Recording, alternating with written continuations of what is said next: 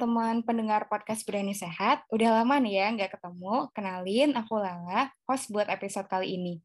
Hari ini kita bakal bahas topik menarik yang lagi hot nih. Aku rasa udah pada denger lah ya tentang hepatitis yang akhir-akhir ini bikin risau. Padahal COVID aja belum kelar nih, tapi udah muncul yang baru hepatitis.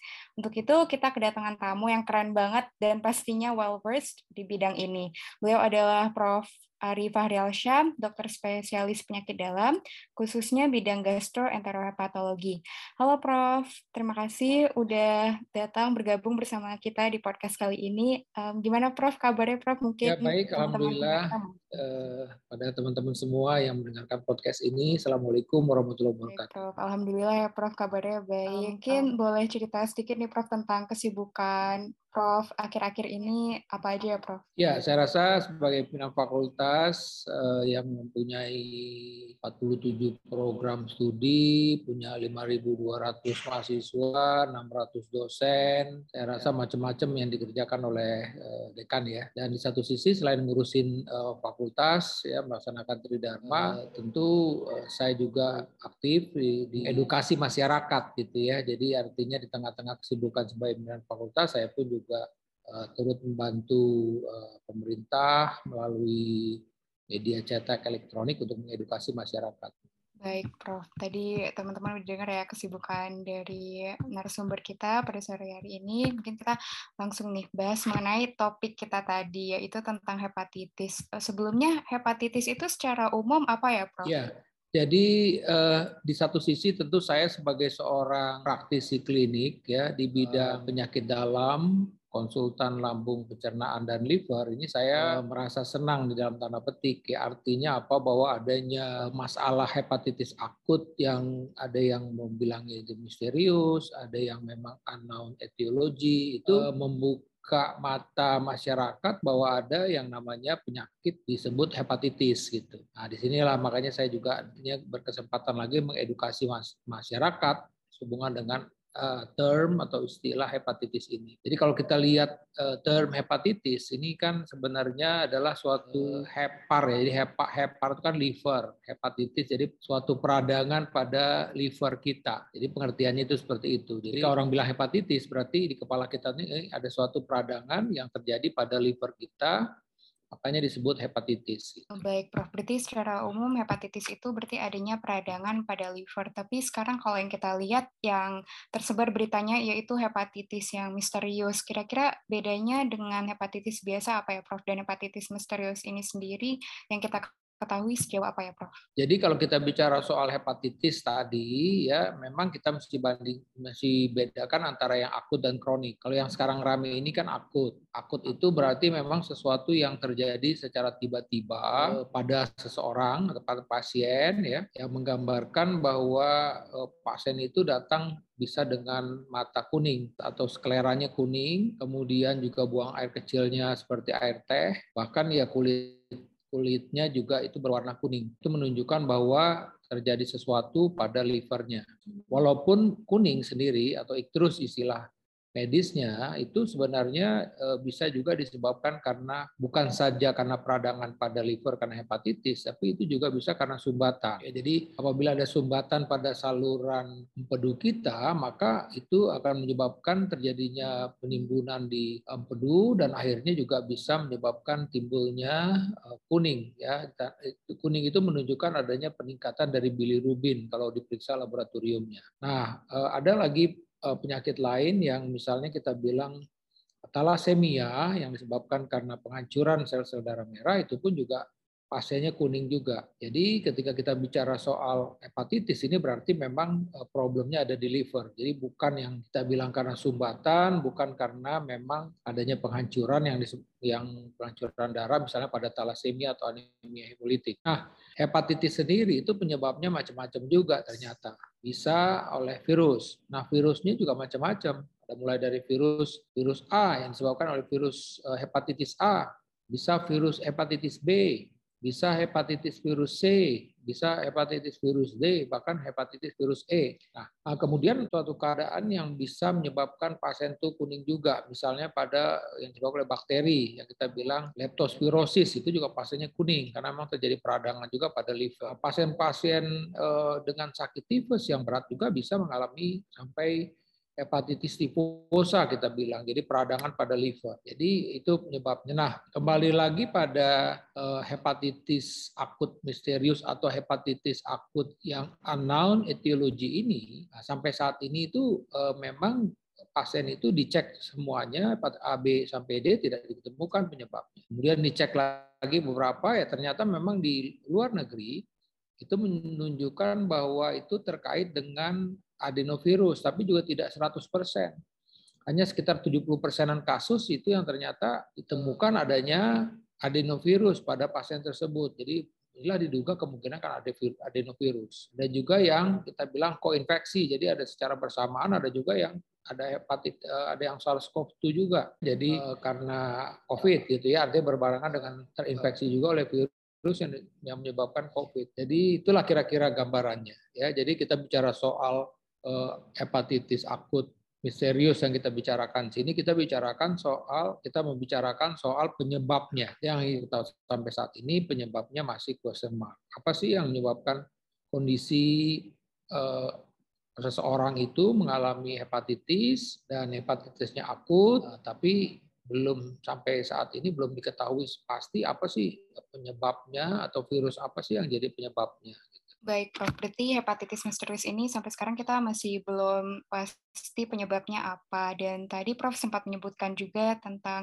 SARS-CoV juga ya, Prof. Um, dan saat ini mungkin memang belum 100% kita sudah bebas dari COVID ini sendiri. Kira-kira ada hubungannya nggak ya, Prof, antara hepatitis yang sedang marak ini? Ya, sampai saat ini itu uh, belum ada juga bukti. Begitupun juga pemeriksaan uh, hasil-hasil penelitian di luar negeri memang pasien-pasien dengan SARS-CoV-2 itu kita lihat adanya kelainan pada liver, ada gangguan pada liver, yaitu beberapa data menyebutkan hampir sekitar 60% itu terjadi peningkatan kadar SGT SGPT. Tapi pasiennya tidak kuning gitu loh. Jadi sampai saat ini pun belum bisa dijawab pertanyaan apakah ini ada hubungannya atau tidak. Tapi dari data-data yang ada kecenderungannya bahwa ini tidak ada hubungannya dengan SARS-CoV-2 walaupun ada beberapa pasien yang ditemukan adanya koinfeksi jadi istilahnya dia mengalami infeksi virus ini kemudian juga mendapat eh, ternyata juga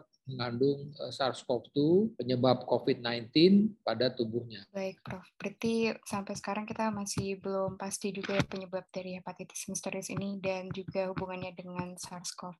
Dan ya, kira-kira kan kita sudah tahu dari luar negeri juga ternyata ada hepatitis misterius dan juga di Indonesia juga sudah ada beberapa kasus ya, Prof. Kira-kira perkembangannya sendiri di Indonesia seperti apa ya, Prof? Ya, kalau dari informasi yang ada dari pemerintah tentunya dan juga kemarin saya juga menyaksikan informasi atau mengikuti informasi tersebut, ternyata memang peningkatannya tidak cepat dan tidak tinggi gitu ya, tidak banyak sebenarnya. Jadi sampai sejauh ini mungkin pemerintah baru bisa, baru merilis bahwa jumlah kasusnya itu baru sekitar di bawah 20, 18 ya diduga. Jadi boleh dibilang kan dalam perjalanan waktu yang sudah sekian minggu ternyata jumlah kasus baru yang ditemukan pun juga tidak tidak banyak gitu loh. Jadi menurut saya ini sesuatu hal yang tidak perlu dikhawatirkan di satu sisi, tapi kita tetap juga harus uh, mewaspadai perkembangan dari kasus ini untuk hari-hari yang akan datang. Tapi sampai sejauh ini kita dapatkan informasi dan juga data ternyata uh, peningkatannya tidak tidak cepat dan uh, tidak luas. Gitu. baik, Prof. Berarti untuk peningkatan kasusnya itu ternyata sudah tidak cepat ya, Prof, dari hepatitis ini dan mungkin kita urgensinya tidak terlalu signifikan, tapi kita tetap harus waspada ya, Prof.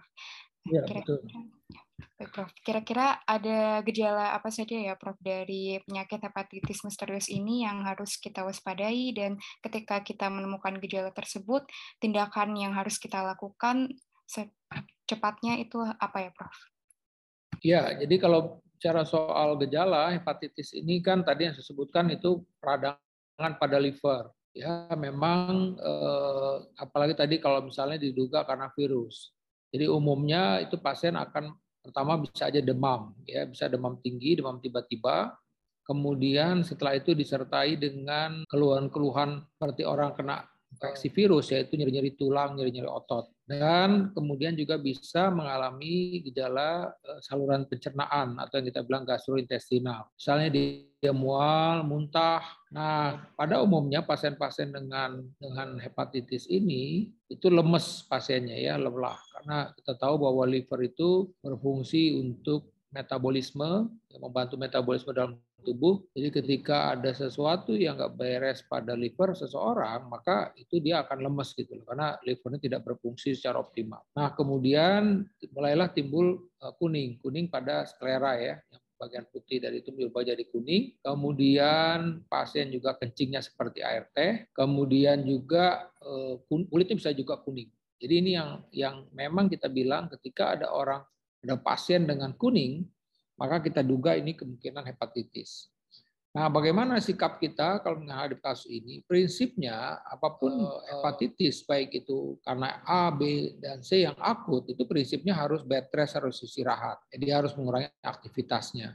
Kemudian eh, obat-obatan tentu disesuaikan dengan kebutuhan. Kalau dia demam, dikasih obat anti demam. Kalau dia mual disebut diberikan obat anti mual. Kemudian apabila memang pasien ini lemah sekali, misalnya makan juga sulit, ya baiknya juga pasien itu dilakukan pemasangan infus. Jadi infus bisa infus makanan atau paling nggak infus cairan pada pasien ini. Jadi ini hal-hal yang dilakukan apabila kita berhadapan atau bertemu dengan pasien yang dicurigai mengalami hepatitis akut. Baik, Prof. Tadi berarti sudah disebutkan beberapa gejala dan apa saja yang harus kita lakukan ketika ada pasien dengan gejala hepatitis akut ini. Tapi tadi udah dijelaskan juga sedikit salah satu gejala yang khas dari hepatitis ini tadi kuning ya, Prof. Kira-kira ada gejala khas lainnya tidak ya, Prof? Ya, kembali lagi dengan istilah term hepatitis, maka memang pasien ini kuning dia. Yang jelas itu kuning kuning ya hepatitis. Walaupun bisa saja misalnya pada pasien itu baru gejala awal kuningnya belum jelas tapi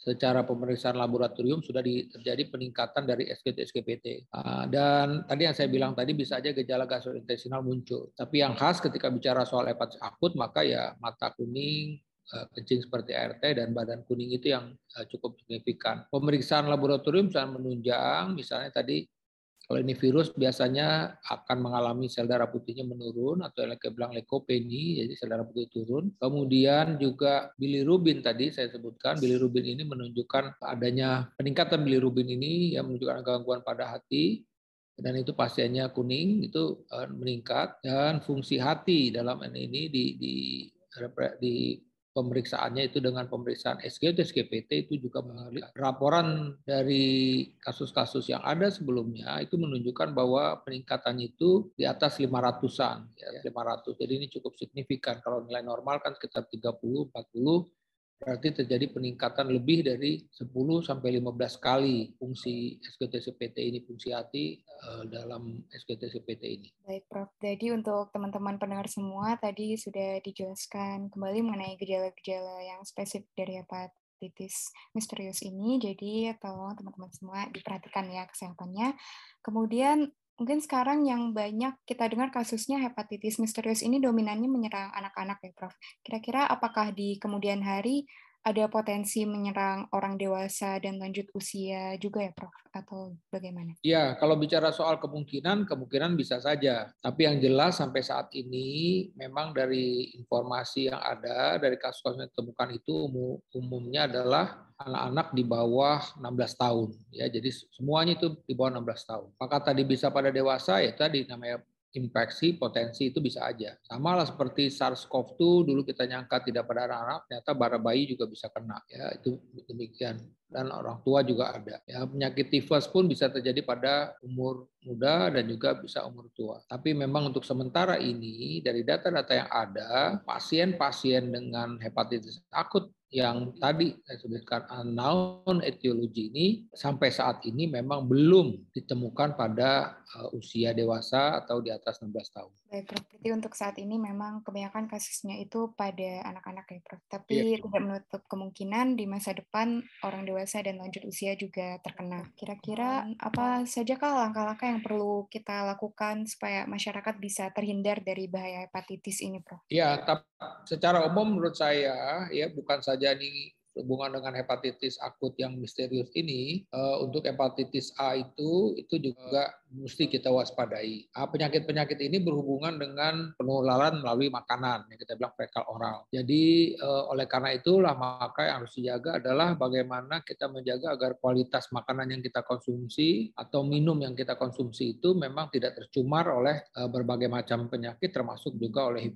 uh, virus ini gitu ya. Dan dan satu hal lagi ini karena tadi terjadi pada anak-anak, kadang-kadang hal ini kurang diperhatikan, misalnya anak bermain, pegang sana, pegang sini, kemudian dia pegang makanan, itu langsung dikonsumsi, nah itu juga tentu sesuatu tindakan yang beresiko terjadinya suatu uh, penularan infeksi melalui kondisi tersebut. Oleh karena itu, maka antisipasi yang penting adalah kita memperhatikan uh, kualitas dari makanan dan minuman yang kita konsumsi. Itu satu. Kemudian yang kedua adalah budaya perilaku hidup sehat. Salah satunya adalah selalu rajin mencuci tangan pakai sabun.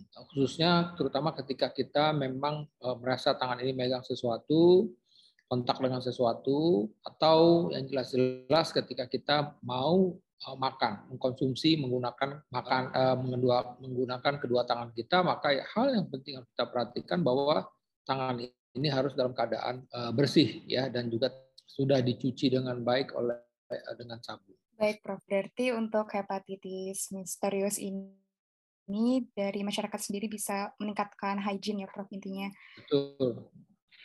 Baik, Prof. Dan mungkin kita akhir-akhir ini juga tersebar berita dari Presiden kita sudah memperbolehkan pelonggaran dari penggunaan masker ini, Prof. Tapi ada juga beberapa berita yang menyatakan bahwa hepatitis ini menyebar lewat udara. Kira-kira tanggapan dari Prof bagaimana, Prof? Pertama memang eh, sekali lagi ya secara jelas ini kalau ini memang adenovirus, adenovirus itu memang bisa menular melalui pernapasan dan juga melalui eh, makanan. Tapi kalau kita lihat progres dari penyakit ini, eh, boleh dibilang bahwa sebenarnya penularan melalui udara itu kecil kemungkinannya. Karena kalau memang itu uh, melalui udara itu sama seperti COVID-19 atau juga infeksi flu itu maka uh, cepat menyebar di antara masyarakat atau yang kita bilang transmisi lokal. Dan alhamdulillah ini kalau bilang dari perkembangan kasus yang ada saat ini kita bisa bilang bahwa eh, apa namanya dugaan melalui pernapasan ini kecil gitu ya. Karena jumlah kasus yang jumlah kasusnya tidak peningkatannya itu sangat lambat terendah gitu Nah, bicara soal tadi bahwa Pak Presiden memang sudah menyampaikan adanya kelonggaran dalam menggunakan masker, saya rasa tetap masyarakat harus berhati-hati khususnya ketika berada di dalam ruangan atau ketika berada di dalam kerumunan. Nah, karena walaupun bagaimana ya eh, kita masih ya selain kita juga mungkin harus mengantisipasi infeksi SARS-CoV-2 menyebabkan COVID-19 yang alhamdulillah sekarang ini kasusnya semakin lama semakin uh, stabil rendah gitu ya. Uh, kita juga sebenarnya masih mempunyai masalah dengan tuberkulosis. Kita tidak tahu mungkin orang-orang di sekitar kita mengalami batuk uh, sekali-sekali tapi ternyata ketika batuk itu mengandung kuman tuberkulosis. Jadi menurut saya budaya kita harus Artinya tetap waspada ketika berada di kerumunan atau di dalam ruangan agar kita tidak tertular eh, dari infeksi bukan saja infeksi karena COVID-19 tapi juga bisa infeksi paru. Jadi harus sebaiknya memang kita untuk uh, mengantisipasi itu dengan menggunakan masker. Bolehlah kita misalnya berada di luar, ruang terbuka ketika berolahraga misalnya Eh, tidak dalam kerumunan ya kita membuka masker silakan. Tapi sekali lagi secara umum sebenarnya eh, menggunakan masker pun sebenarnya tidak ada masalah sebenarnya dari satu sisi. Tapi tentu kita tahu kan masker itu harus beli misalnya, apalagi disposable kan harus beli. Jadi ini tetap juga harus kita perhitungkan kalau ini harus misalnya di, di, diwajibkan untuk masyarakat secara secara umum gitu. Jadi ini sekali lagi kelonggaran ini tetap harus dilakukan secara bijaksana dan bertanggung jawab karena kita berharap tentu tidak lagi terjadi outbreak atau peningkatan kasus karena COVID-19. Baik, Prof. Meskipun dari pemerintah sudah ada keputusan untuk pelonggaran penggunaan masker, tapi ada baiknya kita tetap menggunakan masker ini karena kita tidak tahu ada virus apa ataupun bakteri apa yang tersebar di luar sana. Jadi lebih baik kita mencegah terlebih dahulu. Kemudian meskipun hepatitis ini kemungkinan menyebar lewat udaranya kecil, tapi tetap kita harus berjaga-jaga dan kebiasaan-kebiasaan yang baik dari sebelumnya tetap kita terapkan. Nah, untuk saat ini tadi kita sudah ngobrol nih sama Prof. Ari tentang hepatitis misterius dan kita udah banyak nih ngobrol-ngobrol, udah dapat banyak ilmu juga. Jadi hepatitis yang misterius ini kita masih belum tahu asalnya itu dari mana. Jadi tetap teman-teman pendengar semua harus berhati-hati, terus jaga makan dan minum, jaga kebersihan karena tadi ada kemungkinan penyebarannya. Kemudian kita harus perhatiin gejala-gejala yang tadi udah di-highlight juga ada gejala khasnya, kemudian langsung ke dokter nih kalau ada gejala. Terus kalau ada hoax gitu, jangan kemakan sama hoax itu dulu. Kita harus cari tahu sumber yang kredibel. Salah satunya ini, dengan mendengarkan podcast kita kali ini, kita ngobrol sama narasumbernya langsung sama Prof. Ari hari ini. Kemudian teman-teman semua jangan takut berlebihan juga, tapi tetap jangan lalai. Jangan sekarang mentang-mentang mandat buat maskernya udah dikendorin, kita jadi nggak hati-hati. Seperti pesan dari Prof tadi, lebih baik kita tetap menggunakan masker ya. Nah, bermanfaat banget nih ilmu yang udah dibagiin Prof Ari tadi ke teman-teman pendengar kita semua. Bisa banget kita aplikasiin ke kehidupan kita sehari-hari. Saran-saran yang udah banyak banget tadi disampaikan dari Prof Ari. Terima kasih sekali lagi untuk Prof. Ari untuk kesempatan ngobrol-ngobrolnya. Semoga teman-teman yang dengerin juga bisa belajar dan nambah ilmu setelah mendengarkan semua informasi dari Prof. Ari tadi. Ya, terima kasih. Mudah-mudahan informasi ini bermanfaat dan kita turut mengedukasi masyarakat dan uh, masyarakat tetap uh, tidak perlu khawatir, tapi tetap waspada dan tetap uh, budayakan hidup sehat di kehidupan sehari-hari. Terima kasih. Baik, terima kasih Prof. Tuh teman-teman semua dengerin ya pesan dari Prof. Ari tadi dan jangan lupa dilaksanain juga. Terima kasih buat teman-teman pendengar yang udah stay sampai akhir. Jangan lupa jaga kesehatan dan sampai jumpa di episode berikutnya.